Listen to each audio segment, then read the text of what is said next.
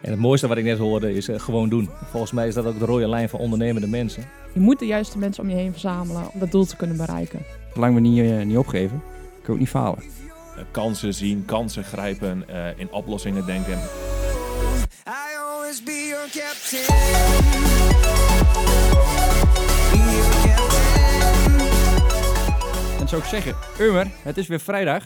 Het is weer vrijdag, het is weer podcast time. Toch? Podcast time. Yes. Aflevering 7 alweer. Welkom bij deze podcast over samen ondernemen. Wij hebben vandaag in de studio Uskan Demirus van Cybersecurity, eh, Mark Lommers van het Kolenboertje en naast mij zit Nico Buscherden.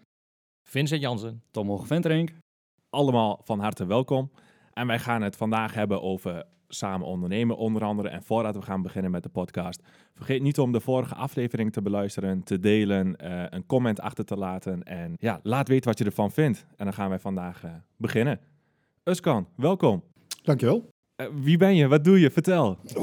Uh, Uskan Demerus, eh, eigenaar van Demerus Consultancy, consultancybedrijf op cybersecurity vlak.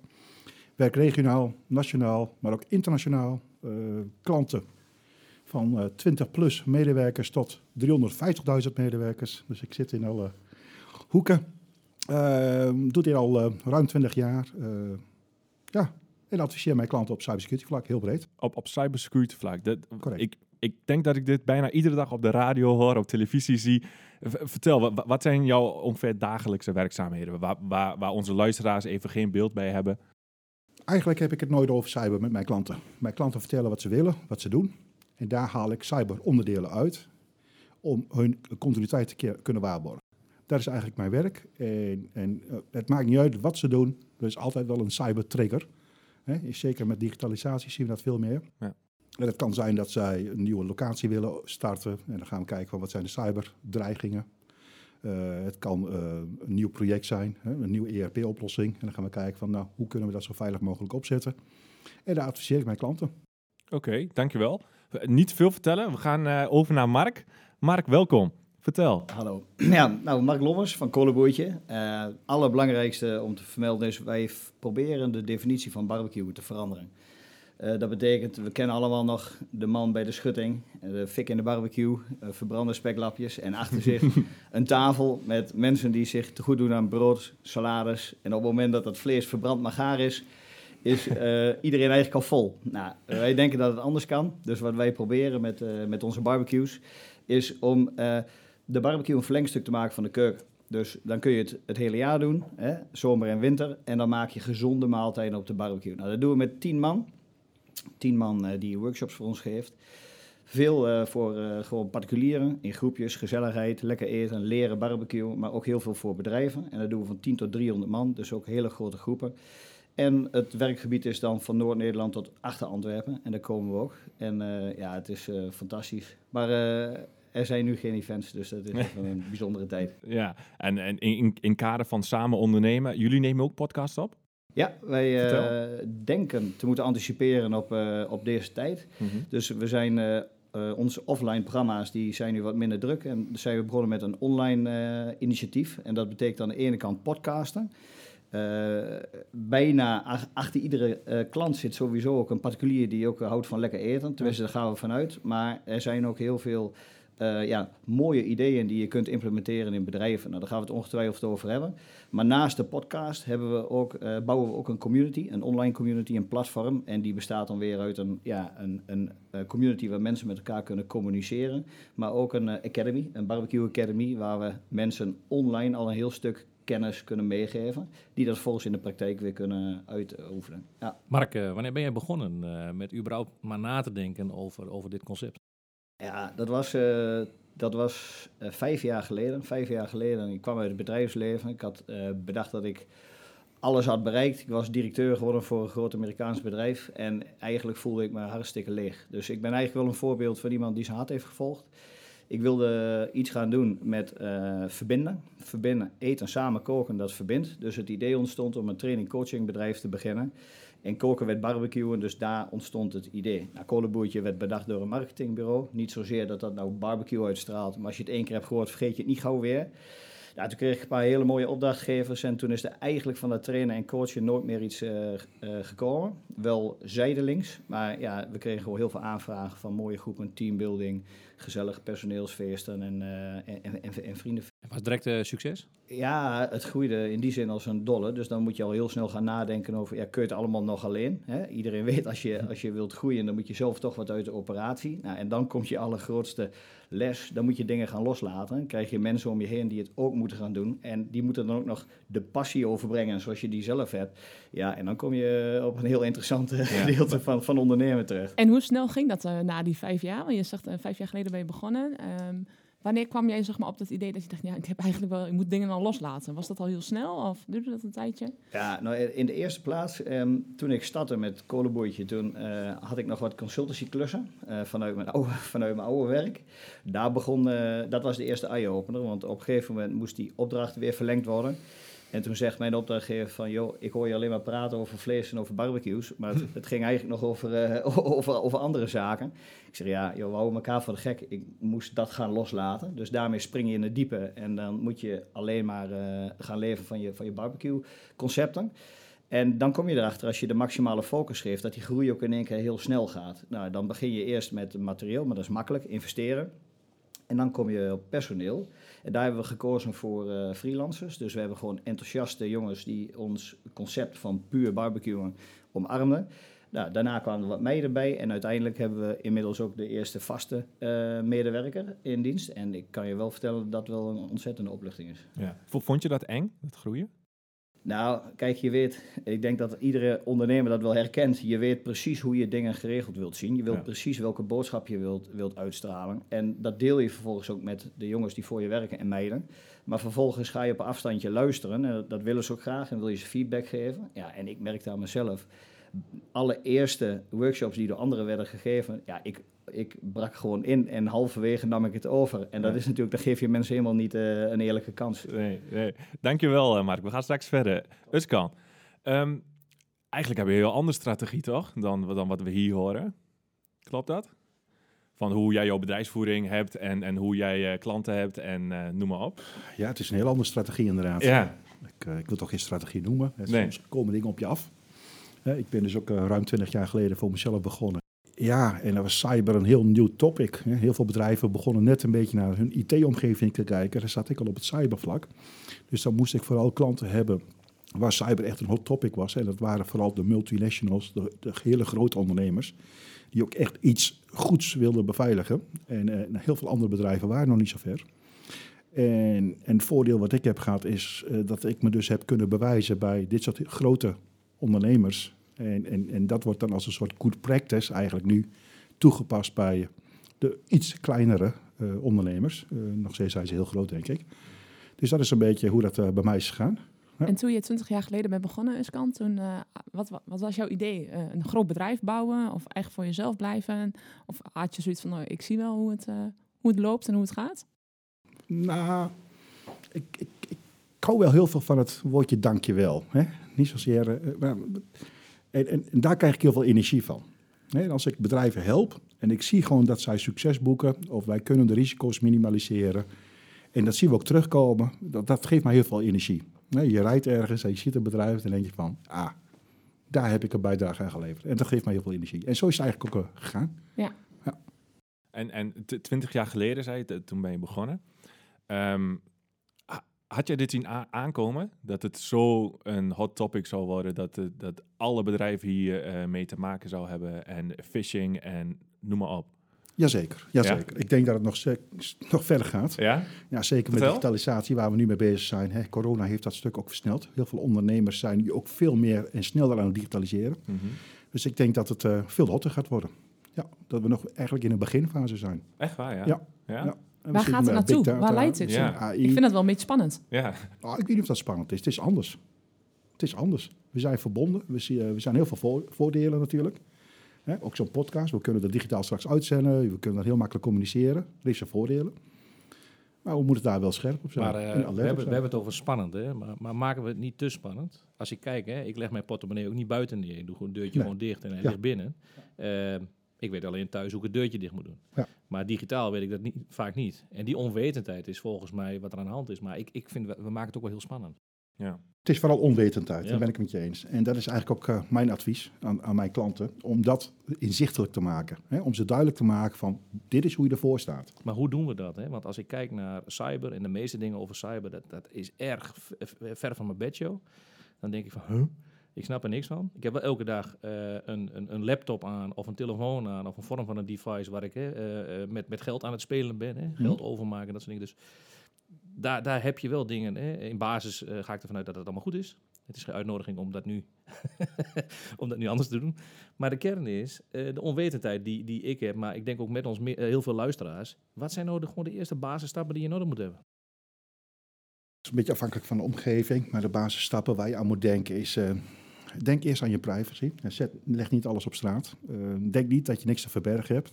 Dat wil je niet. wat is privacy? Wat bedoel je daarmee?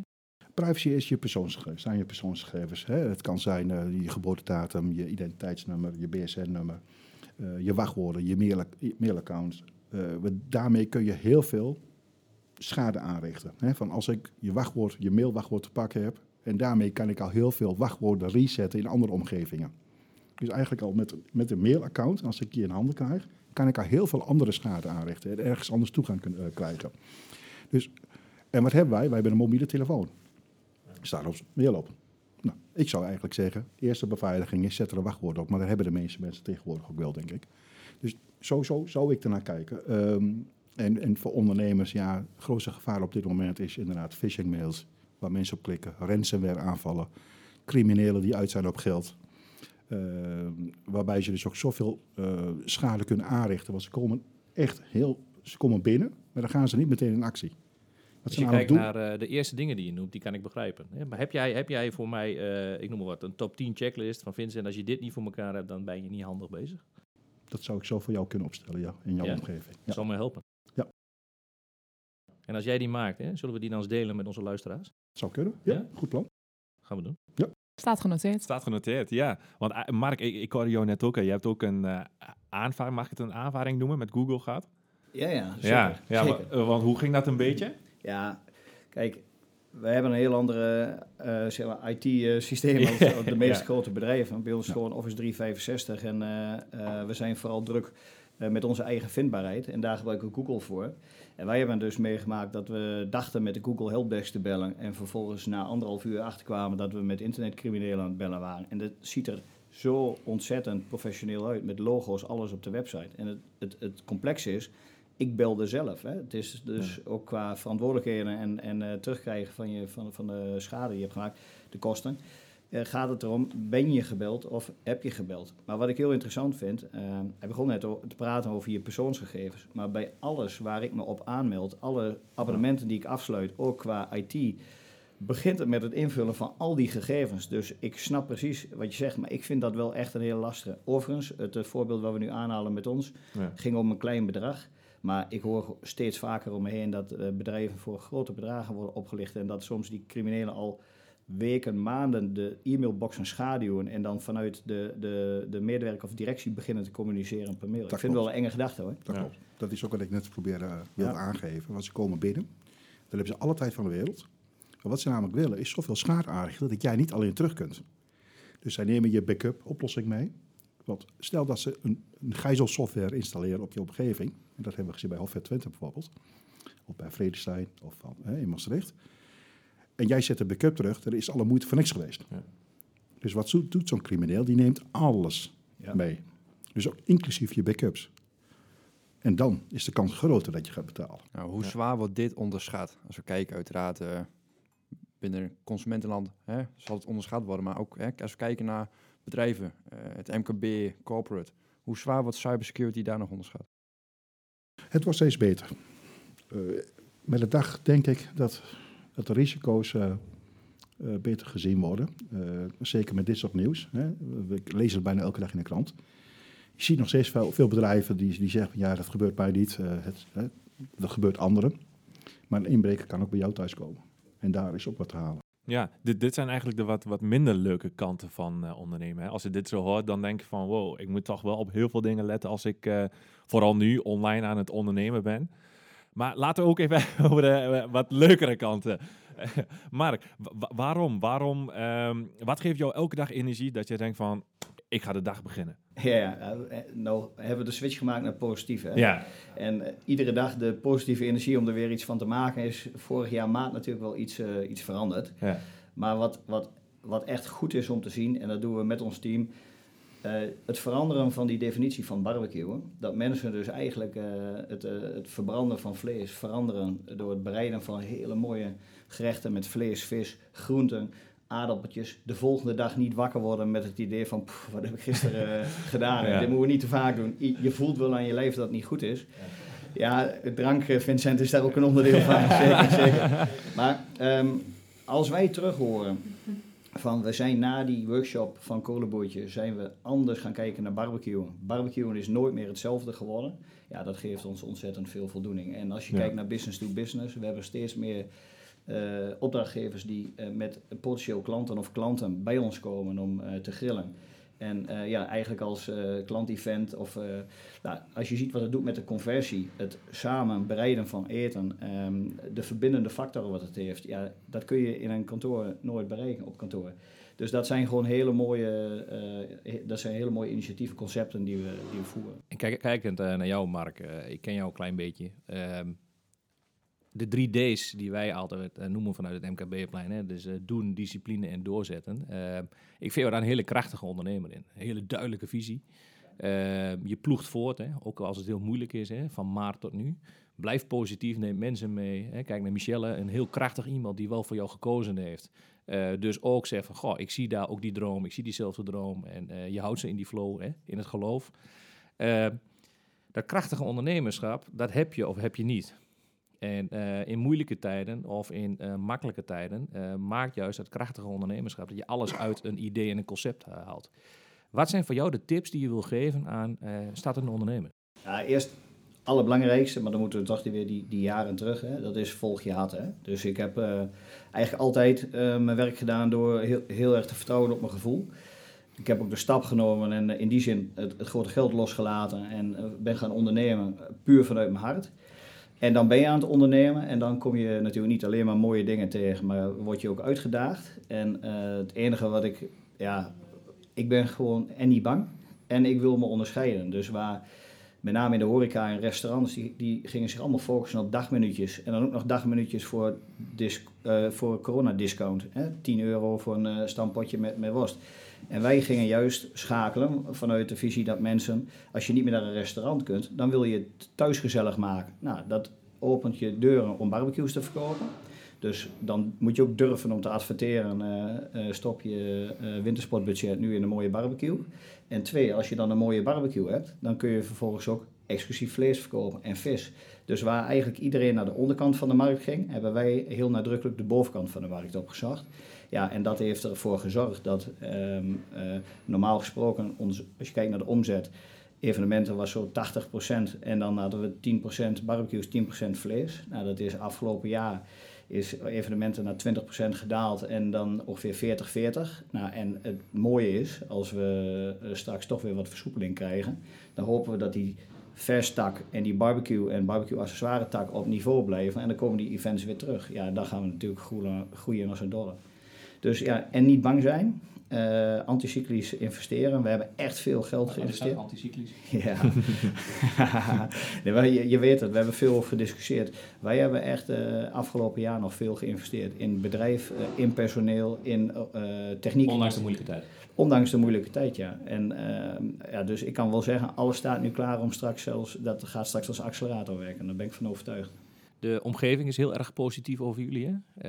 Eh, kwaliteit van het concept. Als je iets doet, doe je, doe je het excellent, doe je het heel goed. Maar wel passend bij het niveau. Hè?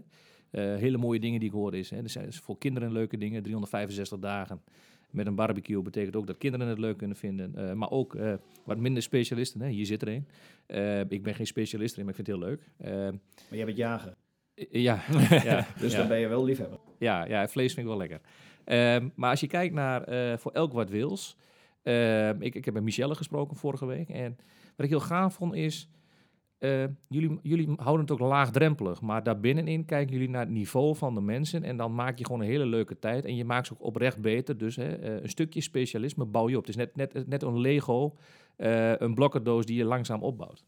En daarin inspireer je en maak je mensen enthousiast. Was dat ook al vanaf begin af aan de bedoeling of zeg je je tegengekomen?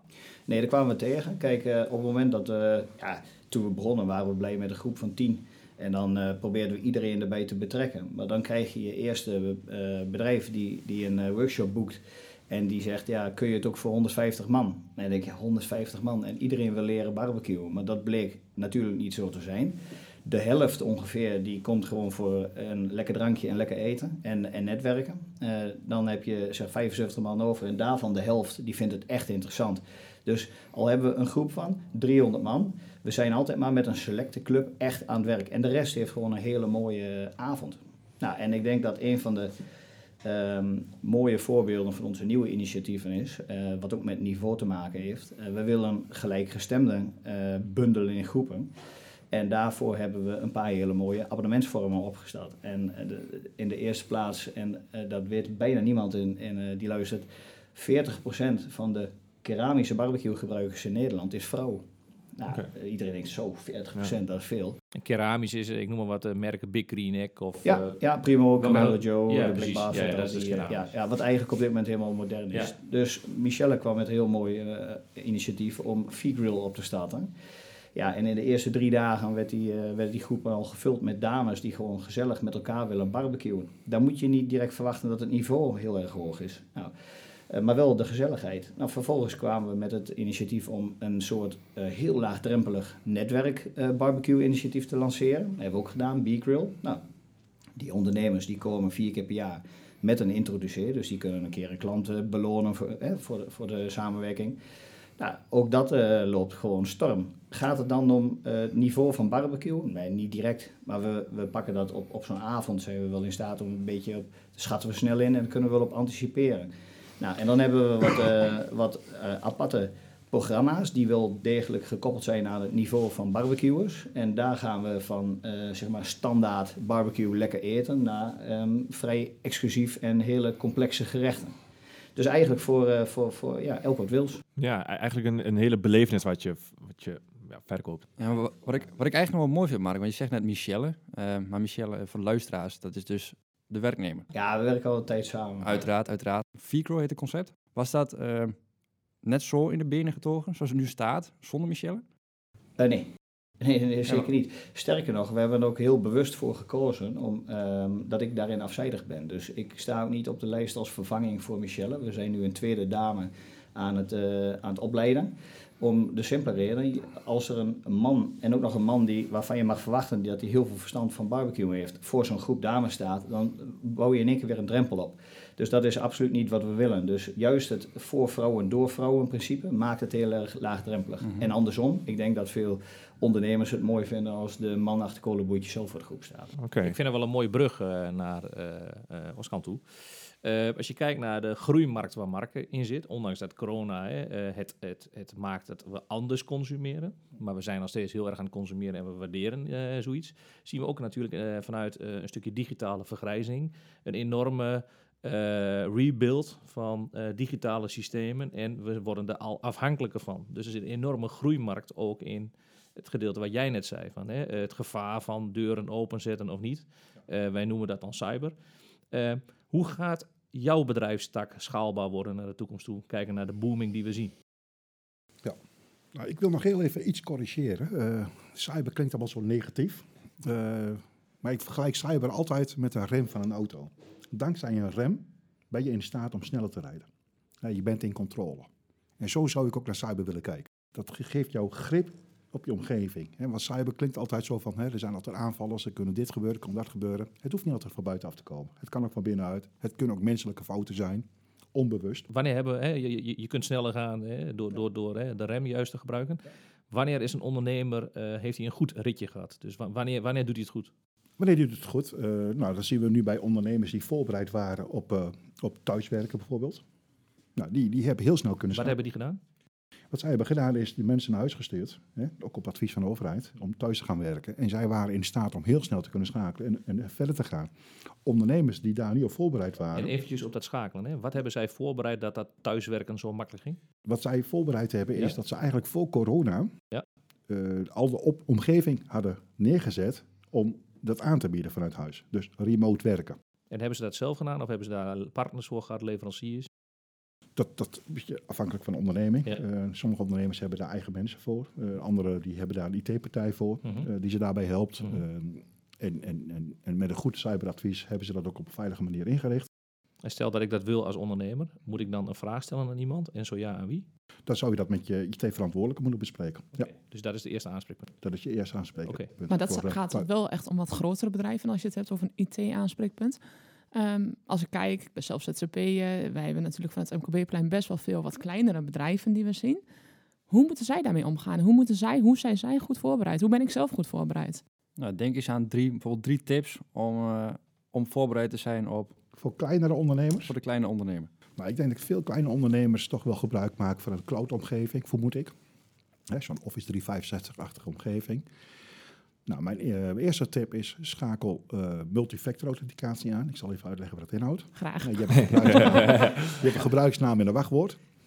Ehm, daarnaast kun je ook een, een, een, ja, een, een tokenvalidatie activeren. Dat, dat zie je ook wel eens eh, als de authenticator op je telefoon. Dan heb je ook in je bankomgeving hè, dat je even een additioneel iets hebt.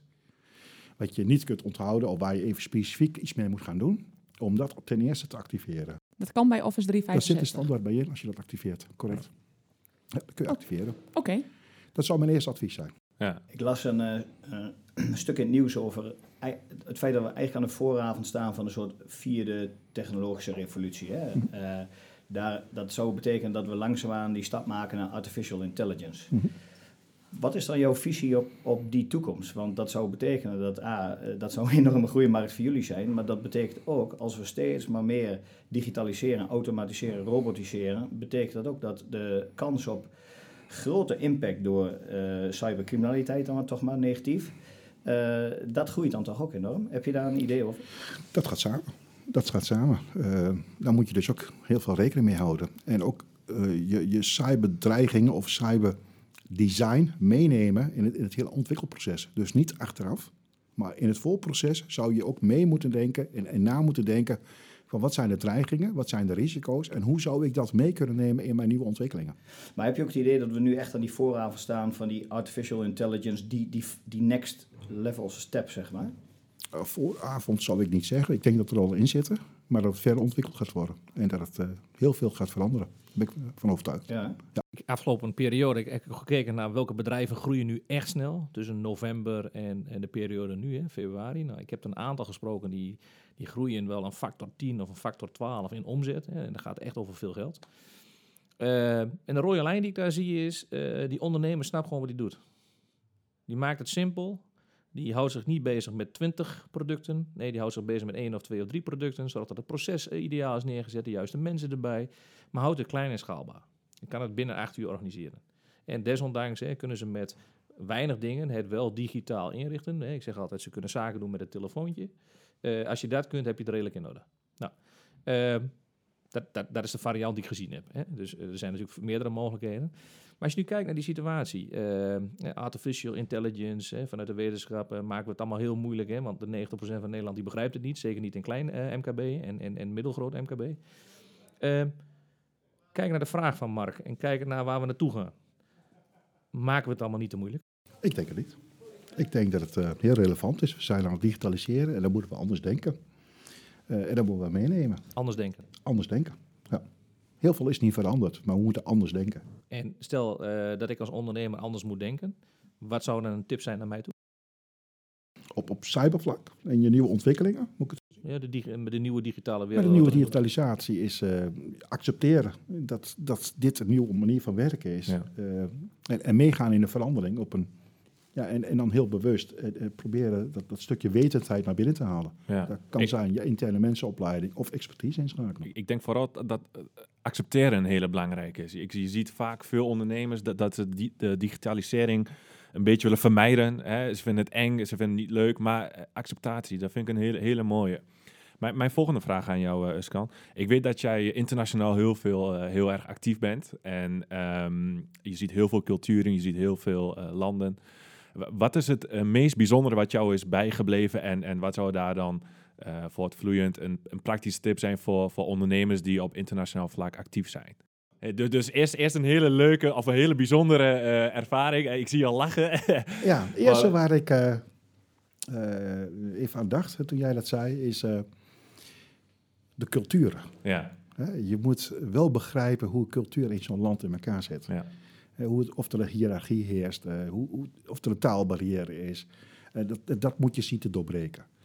Eh, als je dat niet kunt, wordt adviseren heel lastig. Want je moet namelijk een vertrouwen hebben, eh, er moet ontstaan. Ze moeten vertrouwen in je hebben. En dan pas kun je alles meekrijgen wat je nodig hebt om ze goed te kunnen adviseren. Eh, je zit met landen waar, waar ook een stukje nationale trots heerst, eh, in sommige gevallen. Eh, ja, dat is heel lastig om daar als, als Nederlander doorheen te komen. Maar als je daar tijd en energie in stopt, dan, dan gaat dat eh, best wel goed. Eh, ik zal even een voorbeeld geven. Ik vind het altijd heel bijzonder in Duitsland. Hè, dus hier ja. niet ver vanaf. Nee. In Nederland, als wij in het algemeen een afspraak hebben met collega's of met een consultant, dan, dan, dan laten we ons verrassen hè, in een bespreking vaak. We gaan naar een bespreking en we gaan gewoon ter plekke gaan we kijken wat we willen bespreken en, en hoe we dat willen aanpakken. Als je dat in Duitsland bijvoorbeeld doet, dan word jij gezien als slordig, onvoorbereid. Dat kan niet. Ja. Eh, wat ze in Duitsland doen is van tevoren voorbereiden op een gesprek. En, en dan wordt er dus ook besproken wat iemand voorbereid heeft. Eh, wat, wat krijg je nou? Een Nederlander die in Duitsland onvoorbereid een vergadering ingaat bij een klant, wordt gezien als hij heeft zich niet voorbereid. Een Nederlander in Duitsland ervaart dat als wat is dit voor een respectloos gedrag? We zouden toch samen naar een oplossing gaan zoeken? Hij is al bezig. Dus verdiep je daar goed in. Ja. Eh, ik- eh, maar dan heb ik het nog maar over Nederland en Duitsland. Ja. Waar staan in China, Canada of Amerika? Ja, hè? en China, vertel, want er- er zijn ook heel veel, het is echt eh ja, eh, grootste economie van, van de wereld. Hoe, hoe, hoe ga jij daarmee om met de cultuur van China? Dat is natuurlijk een totaal andere wereld, eh, denk dat is inderdaad een Ja, heel misschien, totaal- misschien, Oscar, misschien kun je ons even meenemen naar het moment dat jij uit het vliegtuig stapte, in China kwam en daar jouw werk moest doen. Dat, Ja. dat eerste moment, die eerste cultuurshock, om het zo even te noemen. Hoe was dat? Eh, ik zag eh, hele strenge politieagenten die mij heel scheef en boos aankeken. Hier, eh, als je op Schiphol komt, dan is het uh, goedemorgen, goedemiddag. Hè? Eh, en daar is het eh, van wat kom jij hier doen? Heb jij je papieren wel op orde? Eh, taalbarrière. Eh, je weet niet welke route je op moet. Eh, je weet niet eh, hoe je naar buiten kan. Je weet niet hoe je een taxichauffeur moet aanspreken. Want ze kunnen bijna geen Engels. Dat was mijn eerste ervaring in China. Ja, van hoe kom ik hier nou verder? Ja. En een praktische tip voor, voor ondernemers die onder andere met China zaken aan het doen zijn. Als je voor het eerst naar China gaat, dan moet je... hoe, hoe kan je je best voorbereiden daarop?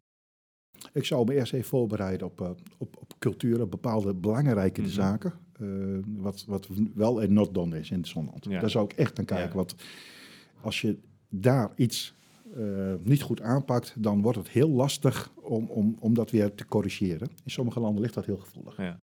En daarnaast ook gewoon doen, hè? Gewoon erheen gaan. Gewoon, Gewoon doen. gewoon, Ja. de- gewoon naar de Gewoon doen, taxichauffeur zwaaien. zelfvertrouwen hebben eh, en, en, en, en ervoor gaan. Ja. En, en, en alle tijd nemen om ze dat duidelijk te maken van hè, je advies dus niet zomaar neerleggen, maar ook echt proberen uit te leggen waarom en hoezo. En, en ze meenemen in het hele adviestraject. Want het zijn toch landen die heel snel zijn gegroeid. Ja. Die hebben, wij zijn wat langzamer gaan, gaan groeien hè, en dan over heel een periode. En bij hun zie je dus dat zij een hele inhaalslag hebben gemaakt. Ja. En dat is soms ook de reden wa- waarom ze niet begrijpen waarom iets moet op een bepaalde manier. Hè? Als jij ze een heel basale vraag zegt van je moet een wachtwoord hebben, dan kijken ze aan van waarom dan? Ja. Hè, want dat, dat soort dingen maak je mee. Want zij moeten dat omdat dat opgelegd is. Of omdat een Microsoft dat in de oplossing heeft. Maar als je doorvraagt, kom je wel erachter dat ze eigenlijk iets doen, om, maar, maar niet weten waarom. Wat ik heel Anders. mooi eh, ze hebben heel inhaalslag gemaakt, inderdaad. Als ik jullie beiden zo hoor, zeg maar, jullie zijn echt allebei echt wel vakidioot. Volgens mij hebben jullie echt passie voor jullie vakken, barbecue, cyber. Als jullie daarover praten, dan eh, zie je ook jullie echt. Het is jammer dat het niet wordt opgenomen Ja. eh, op beeld. Jullie zijn allemaal eh, echt aan het glimlachen. Maar naast zeg maar, dat je ook echt een vakspecialist bent, ben je ook ondernemer. Ehm, misschien Mark, wat vind jij nou van het ondernemen? Wat, eh, wat vind je, zijn de positieve dingen? Wat zijn ook dingen van je zegt van, pff, dat is nog wel best wel soms pittig als ondernemer zijnde? Nou, in de eerste plaats, het allermooiste van ondernemen vind ik dat ik geen verantwoording hoef af te leggen anders dan naar, mijn, naar de mensen die, waarmee ik werk en naar mezelf. En natuurlijk eh, gezin, wat ook eh, uiteindelijk belangrijk is. Eh, Het is altijd de balans tussen investering van tijd en, eh, en geld. Eh, wat ik lastig vind, en dat heeft met name te maken ook in de groei, dat je ehm, rekening moet houden met steeds meer mensen en met steeds meer belangen. Dat is ook wel een dingetje. Maar ik kom er, eh, zeker met de komst van eh, Michelle, kwam ik er al heel snel achter hoe fijn het is als je eigenlijk een, een, een, ja, een snelle, denk, snel denkende ondernemer bent. Hè? Want in die zin ben ik erg chaotisch. Dat je gewoon iemand hebt die je ook af en toe die waarom-vragen stelt. En toch eens een keer eh, je terugtrekt en zegt van, joh, eh, je- waar, waar blijf je nou weer? Je bent alweer vier stappen verder, maar kom nou eens even terug eh, en focus. Ja, en dat is wel heel erg, dat is echt heel erg fijn. Ja, leuk. Uskan, jij? Want je bent natuurlijk ook al eigenlijk al 20 jaar ondernemer. Wat, eh, hoe zie jij dat? Waar ik vooral mijn energie uithaal. Ja, nou, los van het zeg maar dat je je vak cyber fantastisch vindt, maar dat kun je natuurlijk ook eh, bij heel veel andere bedrijven doen, maar je doet het eh, voor ik- jezelf. wat, wat ik heel leuk vind, en, waar ik heel veel energie van krijg, is... eh, ik heb verschillende soorten klanten. Hè? De, de wat grotere, of hele grote ondernemers, maar ook wat, wat kleinere ondernemers. En dat zijn verschillende type ondernemers. Bij de grotere ben je heel innovatief, vooruitstrevend aan het meedenken met een hele team van specialisten. En bij wat kleinere mag je ze echt adviseren, eh, echt duidelijk maken welke stappen ze moeten ondernemen. En ook pragmatisch. Ehm, ja, er zijn twee verschillende werelden en, dat, en beide geeft mij heel veel energie. Heel veel energie. En, en dat zijn echt twee verschillende werelden. Eh, bij de ene zie je heel snel een progress. Hè. Vooral bij de kleinere ondernemers zie je gewoon van... hey, je komt al binnen, je doet een scan, je maakt een nulmeting, je vertelt ze... en je overtuigt ze waarom ze bepaalde stappen moeten Dat is ondernemen. wat je doet, hè? Maar wat breng je die kleine onderneming? Wat ik de kleine ondernemers breng, vooral is een soort nulmeting hè, van momenten nu. Hoe sta je ervoor?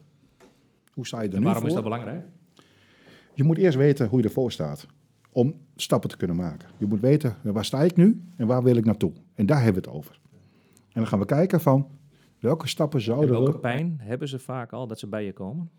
Er zijn bij organisaties die al plein leiden of, of iets hebben meegemaakt. Hè? Een, een, een hekaanval bijvoorbeeld. Maar er zijn ook bedrijven die zeggen van nou, eh, ik krijg van mijn account het advies om een keer met jou te gaan praten. Hè? En dat zijn de MKB-ondernemers. Dat zijn vooral MKB-ondernemers, ja. Ja, dus als ze al pijn hebben en ze willen expertise, je gaat net aan, hè, eh, Of getipt worden, ja. eh, stel een, expert, een expert aan, dat zou dit een, een weg zijn, dat ze bij je komen en een vraag stellen van, goh, ik heb dit, hoe kun je me daarmee helpen? Ja, dat kan. Of dat we zeggen van, laten we eerst even kijken, wat zijn je kroonjuwelen? Wat wil je beveiligen? Ja. Maar je kunt niet alles beveiligen. Ja. Soms moet je het ook accepteren, maar dan moet je wel weten wat je accepteert. kroonjuwelen. Wat zijn kroonjuwelen? Dat zijn je belangrijkste, ja, wij noemen dat assets, hè, je systemen, je data. Ja. Wat is belangrijk en wat mag niet op straat komen? Zeg maar Of- documenten. eh, Dat kunnen documenten zijn Ja. die je niet gemanipuleerd wil hebben, eh, niet gelekt wil hebben. Of dat jij eh, bepaalde systemen, vooral in de productie, beschik, je, je wil je altijd beschikbaar hebben voor je continuïteit. Hè, dat mag niet uitvallen, maar dan ligt je productie eruit. Nou, dat zijn je kroonjuwelen, zo noem ik dat. En vervolgens gaan we kijken van hoe goed zijn ze beveiligd in een soort nulmeting. Wat zijn de mogelijke risico's en welke stappen zouden we kunnen nemen om dat in balans, hè, je cyberweerbaarheid te kunnen volgen. we hebben ook eh, luisteraars die, die hele grote bedrijven hebben. Eh, met welke vragen kunnen die bij jou komen? Eh, een cybersecurity roadmap, hè, dat we een soort meerjarenplan kunnen maken van nogmaals een beetje hetzelfde mindset, een nulmeting, waar sta je, waar wil je naartoe? Maar dat kan ook zijn dat ze zeggen van we gaan nu naar de cloud. Uskan, kun jij ons adviseren zodat we in de designfase de nodige maatregelen kunnen treffen eh, en, en op veilige wijze eh, een, een, een stap kunnen maken naar een bepaald de omgeving of, of, of, of ja, een richting. Maar daar hebben ze al een strategische keuze gemaakt van, joh, wij willen cyber als het ware, hè, vanuit de expertise gewoon beter begrijpen en onze organisatie daarop inrichten. Correct. Ja. Ja. Eh, Maar eigenlijk zeg jij wa- wat ik eh jou hoor, volkomen is beter dan genezen. Dat is weg. Ja. Ja, dat Ja. zegt het helemaal mooi. Nou, dat is denk ik een, eh, een hele grote tip richting ondernemers. Voorkom het. Maar wat ik wel heel sterk vind aan het verhaal van, eh van Oscar is, eh, voorkomen is beter dan genezen, maar het is niet een paracetamolletje, het Nee. is wel een behandelplan. Ja. Het is niet eventjes iets doen. Het is echt een proces. Het, het, het, het is een keuze Ja, ja. die je ook goed moet embedden, goed moet organiseren. En van daaruit ook vanuit de juiste expertise eerst moet gaan begrijpen. Ja, ja mooi. Ehm, Zeker. Mark, we, moeten, eh, eh, we gaan richting het eh, einde. Heb jij nog echt iets voor ondernemers waar- waarvan je denkt van... hey, let hier alsjeblieft op als je aan het ondernemen bent? ja, je wilt afsluiten, maar dan kunnen we boeken optekenen. er zijn er denk ik wel heel veel, maar ik, Ja. mi- misschien klinkt het afgezaagd, hè, maar ik kom toch weer, weer terug. Ik spreek heel veel mensen, er komen veel ondernemers. We nodigen veel ondernemers uit voor business lunches bij ons. Hè. Dat is Ja. een mooie manier om kennis te maken met onze pure barbecue-beleving. En ehm, daar kom je met ze in gesprek. En het gaat toch heel snel weer over wat allemaal niet goed gaat. En als ik nou zeg, één eh, hele belangrijke les voor iedereen. Hè. Alles wat verkeerd loopt, elke wisselende omstandigheid wat, wat optreedt, biedt ontzettend veel nieuwe kansen. En als je het eh, vanuit de positieve kant bekijkt, een beetje de moderne term het omdenken, hè, ja, dan eh open, je- open je iedere keer weer nieuwe deuren. En ik denk dat dat een eh, hele wijze tip is. En zeker in de afgelopen periode, zoveel negativiteit, maar er zijn zoveel nieuwe kansen gecreëerd. Ik eh, zou die graag iedereen mee willen geven. Ja, ik vind het heel Mooi. mooi bij jou, Mark. Eh, uiteraard, ik ben, eh, bij afgelopen week ben ik bij jou geweest. Eh, maar het kolenboertje staat enkel alleen puur op beleving. Eh, uiteraard duurt het door middel van een barbecue en een mooi stuk vlees. Maar ja, het spat er aan alle kanten vanaf. Was dat vooraf, was dat, was dat al de intentie? Was dat al echt het idee van, we gaan echt op de belevingstak zitten? Kun je moeilijk eh, in een eh, podcast weergeven. Dat moet je eigenlijk zien. Hè? Ik heb er wel een beeld bij. Ja. Ja, het is heel bijzonder. Mensen komen bij ons binnen en die stappen een belevingswereld in. En dan gaan ze er later over vertellen. En eh, je bent niet bij ons op het toilet geweest, maar er hangt een hele mooie testimonial. En daar staat ook... eh, Is hij daar niet geweest? nee, nee, nee, een nee, opdrachtgever nee. van ons die, die, ja, die zegt van... Je probeert erover te vertellen, maar ieder woord wat je zegt over die beleving... doe je ze eigenlijk tekort. Dus er is eigenlijk maar één advies. Ken meenemen die leugen. dat staat erop. Ik heb, ik heb daar één, vraag voor jullie beiden. Eh, relaterend naar de vraag van eh, Nicole. Jullie zijn beide zulke gepassioneerde gasten. Hè. Dat komt echt bij jullie uit, uit, uit de dikke teen. Hoe gaan jullie in vredesnaam loskomen van het bedrijf als het bedrijf groeit? Want in het begin kopen ze jullie, dan kopen ze jullie concept. Maar ergens in die schaalbaarheid, jullie, jullie zijn niet kloonbaar. Hoe ga je dat doen? In de eerste plaats, je kunt eh, als 80% van, van je eigen passie wordt overgebracht op de groep die het, die het dan moet overnemen, dan vind ik het acceptabel. Het is ook mijn hoge drempel. Hè. Ik, ik wil dat het maximaal is, maar de opdrachtgevers en de mensen die bij ons komen, ja, die, die, die vinden 80% ook prima. En twee, je kunt dan ehm, mijn focus verleggen dan op groei van het bedrijf. En dan ga je weer met dezelfde passie eh, samenwerkingsverbanden opzoeken. En dan zoek je ook weer ondernemers die daarbij passen. Dus daar, daar eh, kan ik het ook weer in kwijt. En dan vervolgens eh, kom je aan tafel bij opdrachtgevers die een fantastisch event met beleving willen creëren. En dan doe ik het in mijn verkoopgesprek met dezelfde passie. Dus ja, ik denk dat die focus een beetje, een beetje verlegt. Maar ik, ik weet niet hoe jij dat ziet, maar ik maak me daar geen zorgen om. Nee, ik sluit me daar wel aan. Eh, ik zit nu ook in zo'n denkfase van, hè, wat, is wat is mijn volgende stap? Eh, maar dan bedoel ik vooral uitbreiden. Eh, nou, daar heb ik Vincent in de armen genomen van MKB-plein. En daar hebben wij regelmatig een brainstorm-sessie over. Hè, van hoe gaan we dit aanpakken? Hoe zouden we dat het beste kunnen aanpakken? Waar is behoefte? Waar zitten de pijnpunten bij de klanten? En hoe kunnen wij onze klanten helpen hierin? En dat kan zijn met partners, met een dreamteam eromheen. Maar dat is een beetje in een designfase. Dus v- vind de juiste mensen om, om te groeien eigenlijk, hoor ik hier. In mijn geval, yes. Ik denk eh, dat dat een hele mooie afsluiter is. Ja, we hebben nog een, eh, een winnaar. Ja, van eh, het boek van Ben Middelkamp. Juist. En dat is geworden, tromgroffel, Tromgeroffel. Wie? Tromgeroffel. Joost Klieverik. Joost, wij nemen contact eh, op met jou en ehm, jij ontvangt het boek binnenkort. Bedankt dat jij een comment hebt eh, achtergelaten en eh, hebt laten weten wat jij van de podcast vindt, slash vond. En eh, nogmaals, laat eh, weten wat je van de podcast vindt en maak ook eh, kans op andere prijzen die wij binnenkort gaan weggeven. Ja, en ben je nou benieuwd naar onderwerpen die wij mee moeten nemen in de podcast? Laat ze vooral achter. Heb je tips? Shoot hem. Ehm, pakken ze op. Ja, we- onze motto is hè, samen ondernemen, dus laten we het vooral samen doen. Eh, ehm, eh, laat een berichtje achter, zoek contact met ons op. Beluister de vorige afleveringen natuurlijk, heel belangrijk. Ik zag jou kijken, Tom. Uiteraard, uiteraard. Eh, Spotify, eh, Apple Podcast, Google Podcast. eh, we zijn overal te vinden. Dus eh, doe dat. Oskan eh, van Demeros Cons- Consultancy, dankjewel. Dank je ook, bedankt. Mark Lommers van het Kolenboertje, dankjewel. Dank je. Tot de volgende keer. Tot de volgende.